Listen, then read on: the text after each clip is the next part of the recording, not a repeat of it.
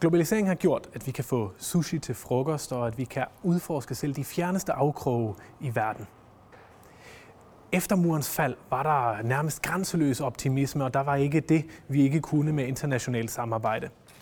Men i dag, i løbet af de sidste par år, er der sket noget. Nationalistiske bevægelser og højre nationale partier er piblet frem rundt omkring i Europa. I den her serie, EU mellem globalisering og nationalisme, udforsker jeg netop det her på DK4.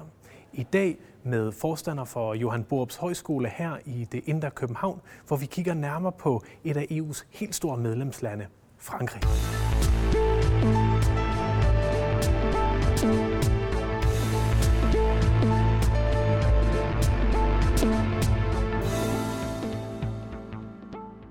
Tak fordi vi må være her i øh, hjertet af København på Borups Højskole, øh, Bjørn Bredal, på, hvor du er, du er forstander. Det er en fornøjelse at være her på sådan en, en dejlig øh, forsommerdag. Du kommer lige fra Paris. Du har været i Paris for ganske, ganske få dage siden. Ja.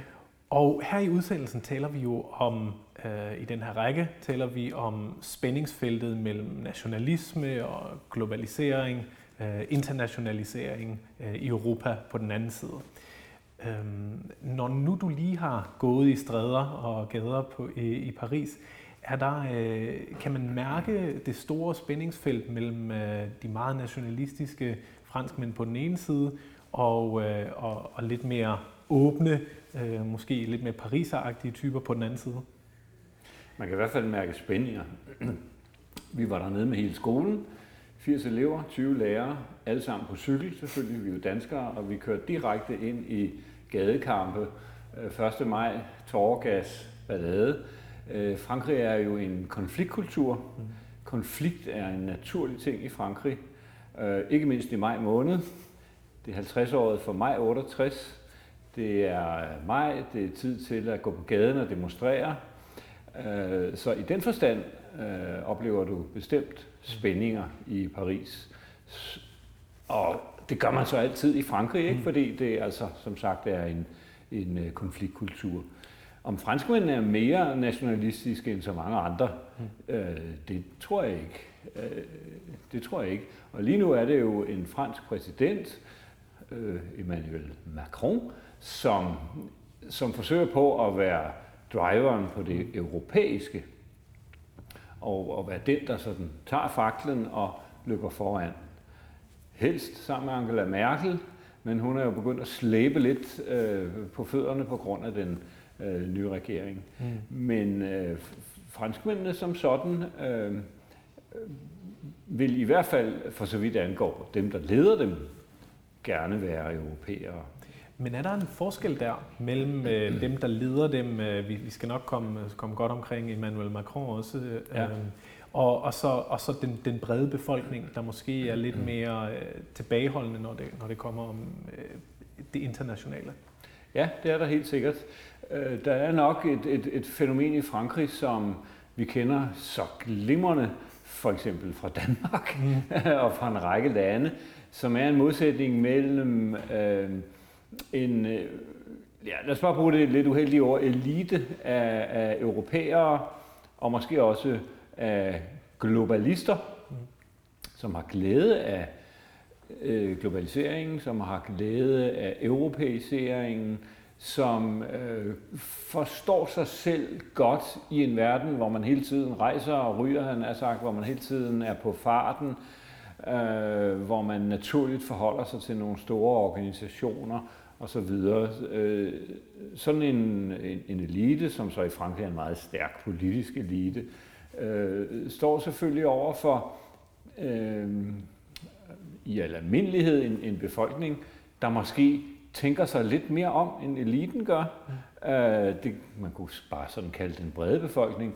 Og så naturligvis også en, en decideret øh, globaliseringens tabergruppe. Mm. Dem, der næsten helt konkret ikke nåede toget ind til byen. Øh, fordi globaliseringen, både europæiseringen og globaliseringen, det er jo i høj grad øh, en, en, øh, en rejse ind mod byen. Ind mod de store metropoler, ind mod de store byer, uanset om det er i Frankrig eller det er i Danmark. Man kan så lave nogle små krydsninger på overfladen og tvangsudflytte folk lidt og sådan. Det korte og lange er jo, øh, at globaliseringen er i høj grad en vandring mod mm. byerne. Og, og, og så får man et, et, et skæld, som man kender i alle lande, mellem centrum og periferi. Og, og i Frankrig er der en lang tradition for en kamp mellem centrum og periferi. Og dem, der sidder i centrum, dem har man helt tilbage fra revolutionens tid kaldet jakobinerne. Mm. Øh, og, øh, og, så er der, og så er der det store øh, samfund ude, udenfor. Så den der meget markante modsætning mellem centrum og periferi, som også har noget at gøre altså med globalisering og europæisering, den er, som så mange andre ting, lidt tydeligere i Frankrig. Det du lige var inde på her, øh, talen om centrum mod periferi, er det noget, der er vokset i Frankrig i løbet af de sidste år, eller har det altid været der? Ja og ja. det har altid været der. det er en klassisk øh, struktur i Frankrig. Paris, resten af landet. Øh, du ved, Henrik den 4. sagde jo de berømte ord, Paris er nok en messe værd. Selvfølgelig. Han er i hvert fald blevet lagt, tillagt de ord. Og, og, og det var jo, da han samlede Frankrig og konverterede fra øh, øh, protestantismen til katolicismen mm. med dens messer. Øh, og øh, det var kongen, der samlede landet. Kongen, der prægede landet med det moderne franske sprog, med øh, en centraliseret administration, med et kongedømme, øh, koncentreret i Paris.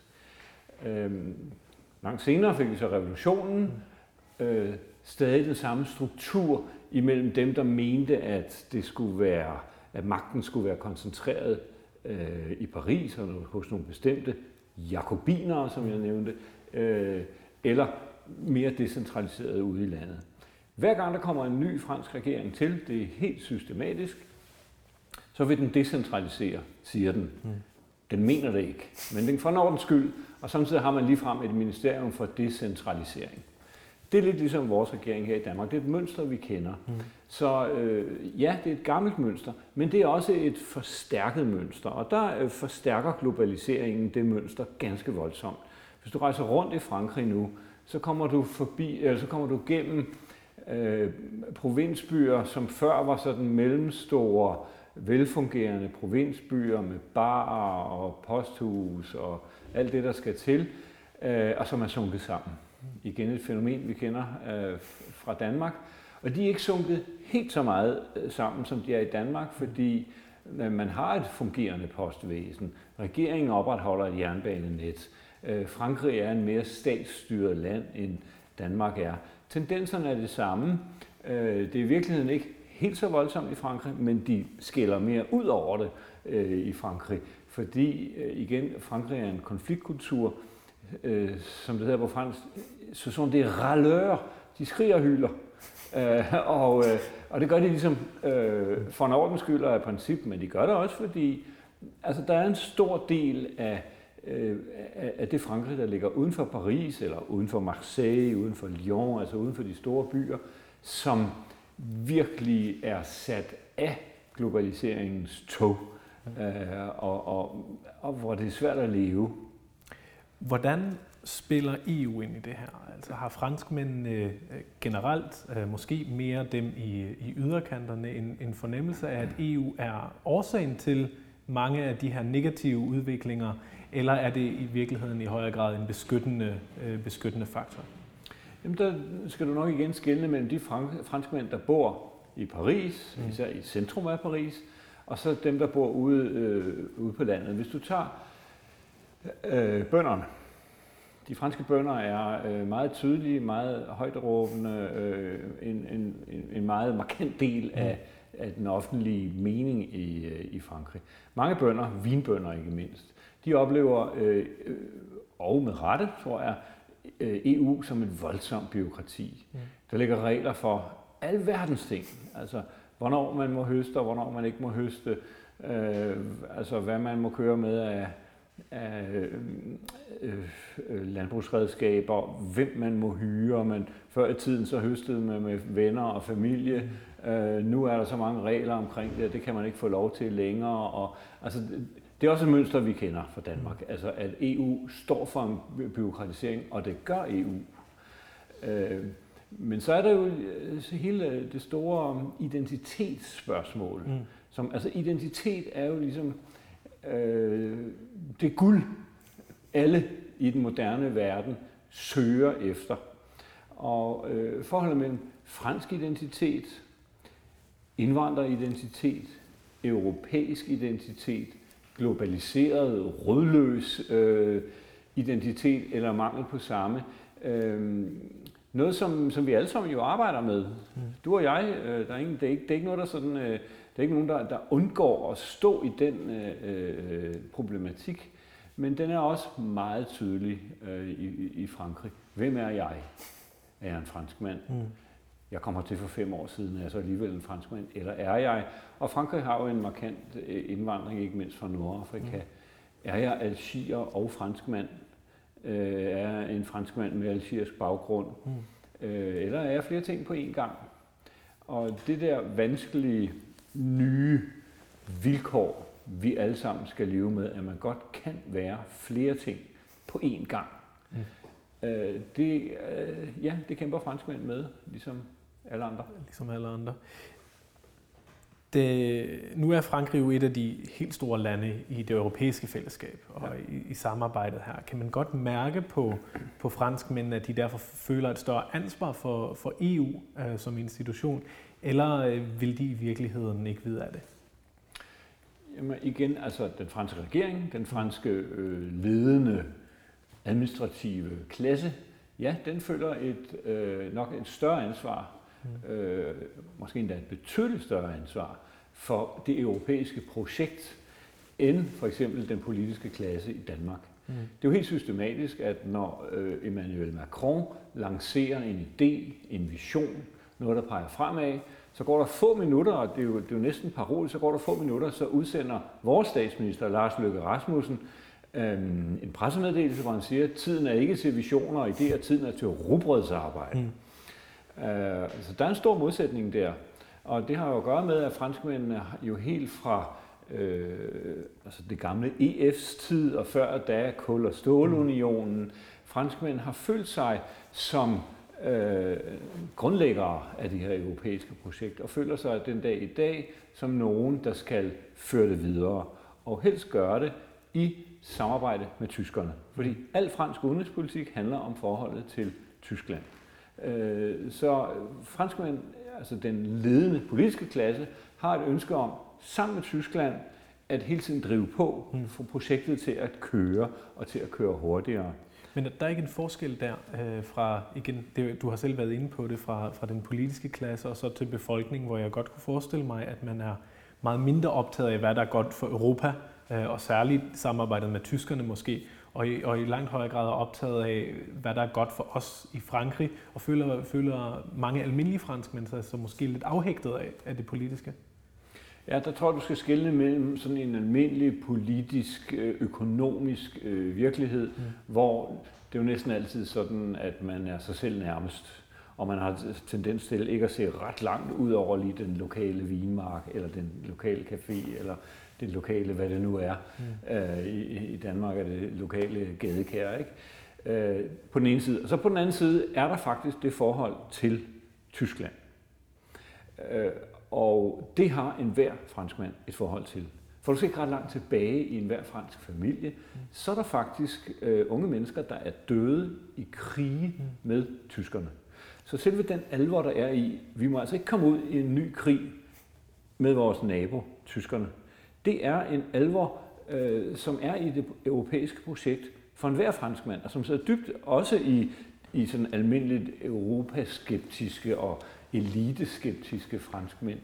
Øh, det er alvor, det der forhold til Tyskland. Så det at køre parløb med Tyskland, øh, og at være gode venner med dem, og have fælles projekter med dem, øh, det øh, går meget, meget dybt øh, i det franske samfund. Der er ikke en landsby i Frankrig, hvor du ikke har et monument for de døde i den store krig, og det var ikke 2. verdenskrig, det var 1. verdenskrig. Og for rigtig mange franskmænd øh, er det virkelig et projekt ikke at få en første verdenskrig eller noget, der ligner igen. Øhm, netop af 2. verdenskrig har, har franskmændene også by, opbygget en enorm national stolt, øh, er mit indtryk, med, med de Gaulle og meget af hans arv, der stadig bliver, bliver holdt meget højt i Frankrig. Øhm, den der, den der øh, stolthed, kan den gå hånd i hånd med, øh, med, det, med det store ejerskab, man også føler for EU-samarbejdet? Ja, her kanter du dig lige op af en dansk fordom om, at franske mænd er særlig stolte og særlig, øh, du skulle lige til at sige arrogante, særlig et eller andet. Øh, altså faktisk er der jo en, en fransk bevidsthed om, at øh, det var de Gaulle, der reddede æren mm. i 2. verdenskrig. Og, øh, og det gjorde han jo ved at, øh, at tage til London og at så at sige føre krigen fra London. Mm. Øh, men fransk, det lykkedes franskmændene at, at være med på den sejrende side og at blive anerkendt som en af de fire sejrende magter. Øh, men det, der er en debat om det i Frankrig, og for så vidt en meget mere åben debat, end der er i, i Danmark, om, øh, om vores forhold til 2. verdenskrig. Så jeg, jeg synes ikke, man kan sige, at, øh, at øh, der ud af det, der skete i 2. verdenskrig, er vokset en særlig fransk øh, stolthed. Mm. Men det er jo klart nok, at øh, for nu at tage generalen de Gaulle, øh, manden, der reddede øh, Frankrigs ære øh, under 2. verdenskrig, og, og franskmændene deltog også i mange kampe mod slutningen af, af krigen. Øh, altså de Gaulle han sagde jo, at øh, Frankrig er, øh, er skabt enten til øh, store sejre eller eksemplariske nederlag. og 2. verdenskrig gav virkelig eksempler på begge mm. dele. Øhm, og, og det er jo klart nok, at, at øh, de Gaulle, som så ledede Frankrig umiddelbart efter, øh, lige umiddelbart efter krigen, og dernæst fik en lang periode, hvor han, hvor han øh, var så at sige, i eksil i sit øh, i sin øh, bolig langt ude på landet, men så kom tilbage og, og ledede Frankrig igen, da man skabte det, som i dag hedder den 5. republik. Det er klart, at øh, hans forestilling om, om storhed, grandeur, mm. øh, til en vis grad har præget fransk politik, men jo ikke nær så voldsomt, som den øh, danske karikatur gerne vil gøre det til.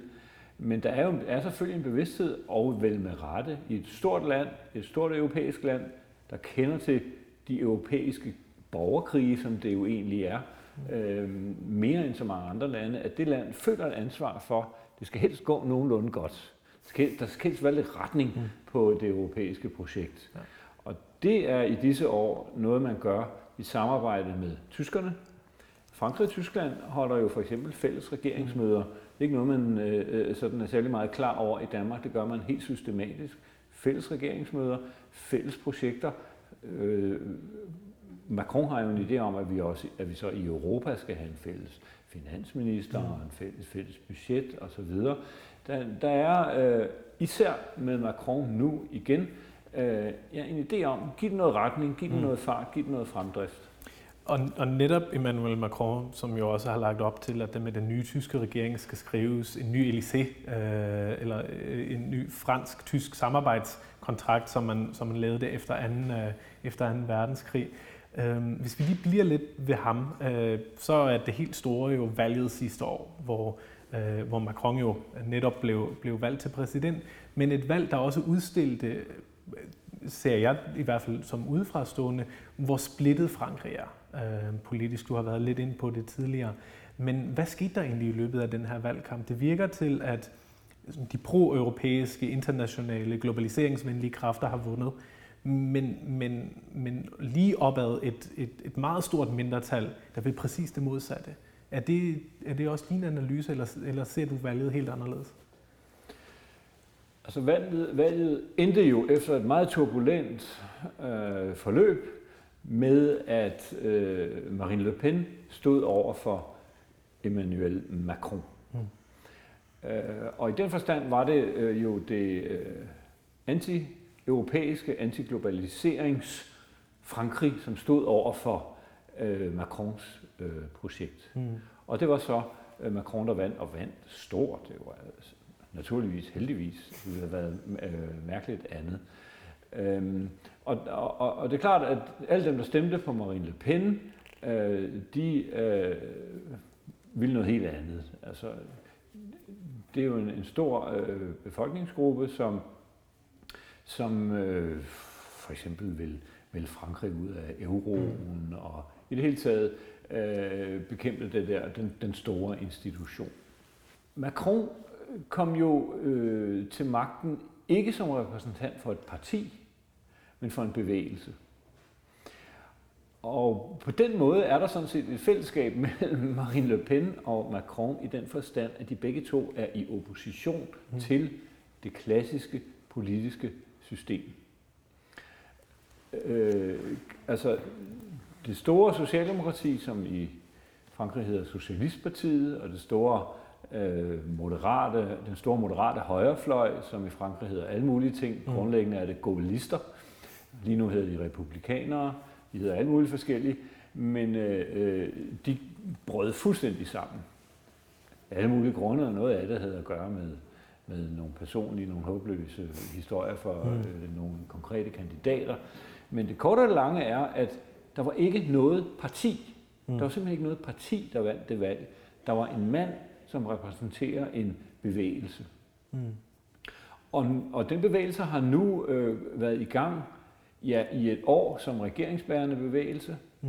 og i, og i øh, måske i to år som bevægelse. Det er jo så helt utroligt nyt. Mm. Så det skal jo vise sig, hvad det er for en bevægelse. Mm. Det er ikke et parti, det er en bevægelse.